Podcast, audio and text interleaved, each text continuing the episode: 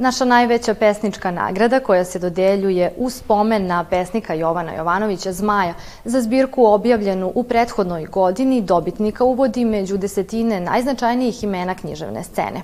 O njoj govorimo na početku poslednje ovonedeljne arterije, ispunjene pričama o događajima dana, ali i najavama onih koji će se desiti tokom vikenda. Imena su proglašenje dobitnika Zmajeve nagrade Matice Srpske, koncert ansambla Wow Way u Kulturnom centru Vojvodine Miloš Crnjanski.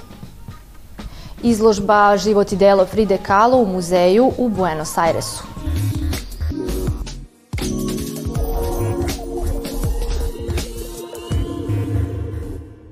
Dugom nizu pesničkih imena od Antonija Isakovića do prošlogodišnjeg laureata Miroslava Aleksića pridružio se Miodrag Raičević, čiju je zbirku o stvarima koje je Homer propustio žiri Zmajeve nagrade Matice Srpske proglasio najboljom. Predsednik žirija Jovan Delić, gosti Arterije, dobrodošli. Kojim rečima je žiri obrazložio svoju odluku?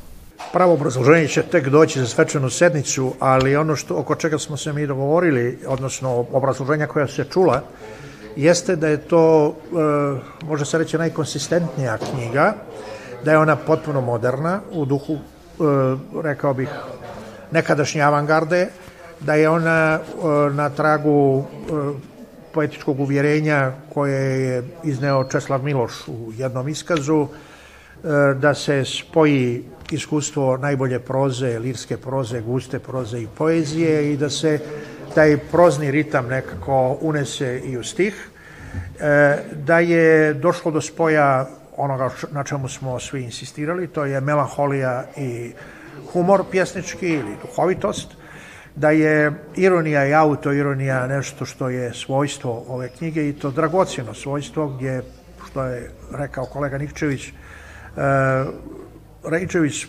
sposoban da se naruga i sebi i drugima, a da nikoga ne povredi, čak ni sebe, e, da je e, u nekom e, tehničkom smislu to ispisana knjiga i dovedena, rekao bih, do jednog stepena savršenstva koji ja ne bih očekivao od njega, jer Miodrag Raičević ranije bio malo razbarušeniji, malo nedisciplinovaniji, ali sad ta samoća u kojoj živi, čiji se tragovi vide u ovoj knjizi, izgleda mu daje mogućnost da radi na tekstu i da dovodi tekstove do savršenstva.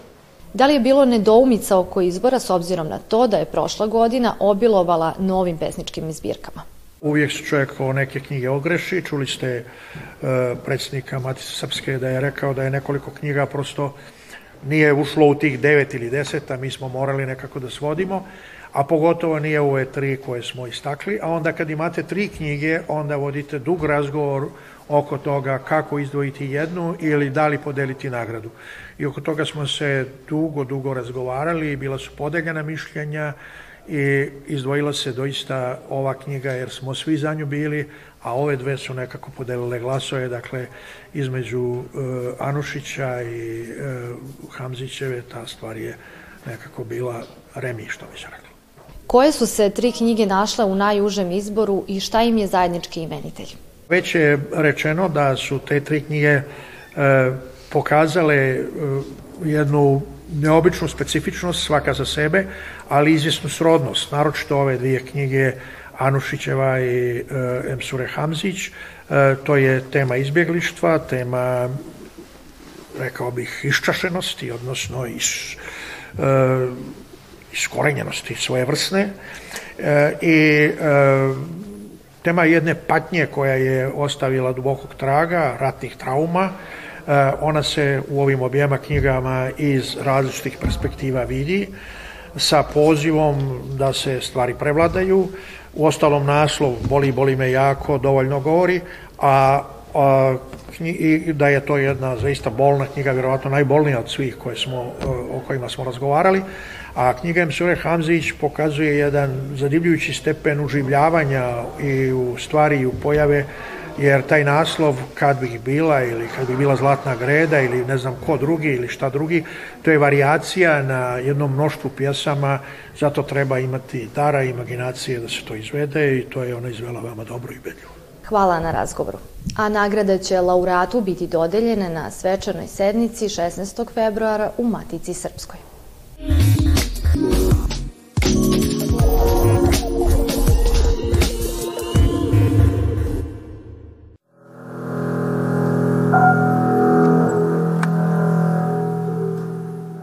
Najaktuelnije muzičke tendencije dostupne su novosadskoj publici već 8 godina na 2K plus antifestivalu, čiji se koncept suprotstavlja trendu festivalizacije kulture, a centralna ideja je promovisanje savremene muzike iz sveta. Prisutne su najsavremenije prakse oslonjene na muzičku umetnost u solističkim, kamernim i orkestarskim formacijama sa primesama drugih nemuzičkih izvođačkih formi. Ovog petka u Kulturnom centru Vojvodine Miloš Crnjanski održan je koncert ansambla Wei, kog čini pijanistkinja Dunja Crnjanski i kontrabasista Daniel Moore.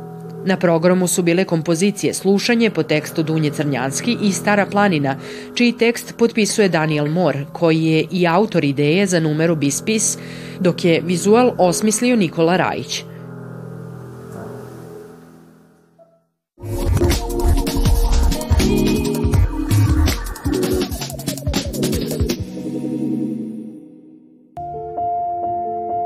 Ukoliko ste ljubitelje stvaralaštva Uroša Predića i kinematografije, onda vas za vikend na našoj televiziji očekuje istinska poslastica. U pitanju su dva filma, Nezavršeno stoleće i Uroš Predić, život posvećen lepoti umetnosti, autora Blaža Popovića, nastala za veliku izložbu našeg renomiranog umetnika Uroša Predića u galeriji Matice Srpske.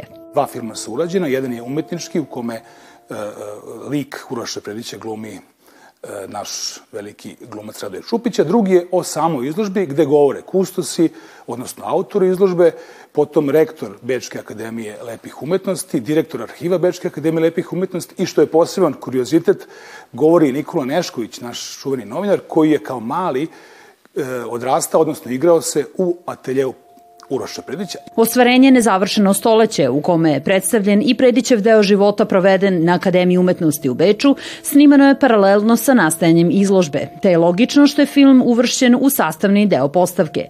Iz njega se izrodila ideja za ozbiljnim dokumentarnim filmom, te je nastalo ostvarenje Uroš Predić, život posvećen lepoti i umetnosti.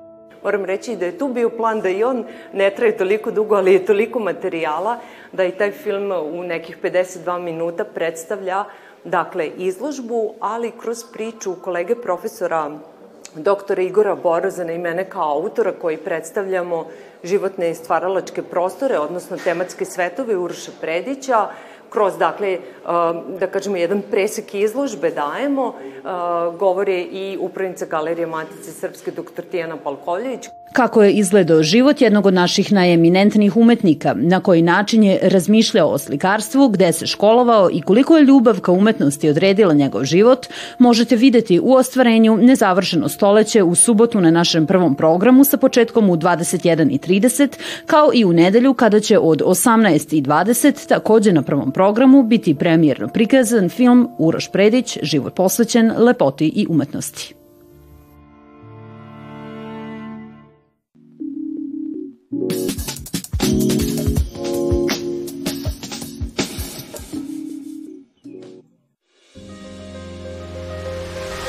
Musical pod nazivom 3 u izvođenju Viva Dance plesne akademije, koja neguje strast, ljubav, talenat i kulturu prema sceni, izrazu i igri, premijerno će biti upriličen 4. i 5. februara u svečanoj sali zgrade Nis Gazprom. Ova plesna predstava u 11 činova inspirisana je istinitim događajem i predstavlja priču o tri mlade balerine različitih nacija Balkana, njihovim odnosima i životnim izborima, te odlasku u Ameriku. Ono što me mene raduje da, da mlade ljude zanima ta tema uh, zašto se Jugoslavija raspala, šta se desilo sa ljudima koji su sad bili deca, sad više nisu i od te tri balerine, čuvene, jedna Srpkinja, jedna Hrvatica, jedna Bosanka, kad su otišli u Njujork i šta se tamo u Njujorku izdešavalo, kako su to one doživele uh, i da li se neko od njih vratio. Režiju i scenariju muzikla 3 potpisuje Ivan Vanja Alač, dok su za koreografiju zaduženi Aleksandar Boškov, Gordana Orešanin i Ana Vesel Križaj.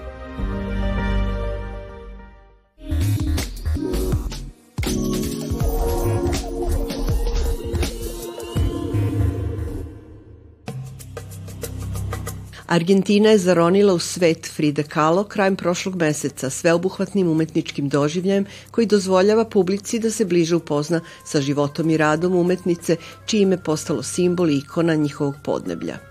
Buenos Aires je prepun svetlosti i boja koje oživljavaju njena dela kojima su okruženi posetioci. Među njima su poznata Fridina platna, dve Fride, ja i moj papagaj, Diego u mojoj glavi. Digitalna umetnička instalacija kroz koju se prolazi šetajući gradom krasiće prestonicu Argentine do marta meseca. Radi se o njenom životu od početka do kraja. Uvek je govorila da je doživela dve nesreće u životu. Onu saobraćajnu, a druga je bila Diego. Istina da je bila veoma strastvena, pogotovo u odnosu sa slikarem Diegom Riverom. Kalo je počela slika kao tinejdžerka dok se oporavljala od užasne saobraćajne nesreće 1925. godine. Ta nesreća i posledice preležene dečje paralize ostavile su ju u stalnom bolu i osujetile njeno materinstvo. Obraćanje slikarstvu kao načinu da se izrazi unutarnji život još u ranim njenim radovima otkriva svu tu patnju. Žena koja je toliko toga mogla da izrazi, da kaže, da otkrije o sebi, završila je brinući se o svojoj kreativnosti, koristeći slike, maštu i sav svoj svet osjećanja u toj meri da moramo biti zahvalni što nas je u taj svet pustila mada njen rad nije doživao priznanje za njenog života posle smrti, uspeo je da obori rekorde na umetničkim aukcijama.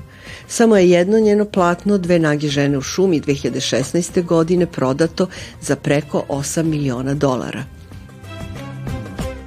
Povodom Dana grada u Prometeju je održano predavanje Novi Sad na Dunavu, a istim povodom tokom vikenda Muzej Vojvodine i spomen zbirka Pavla Beljanskog organizuju program Dani otvorenih vrata, koji će obuhvatiti besplatan obilazak stalnih postavki i stručna predavanja.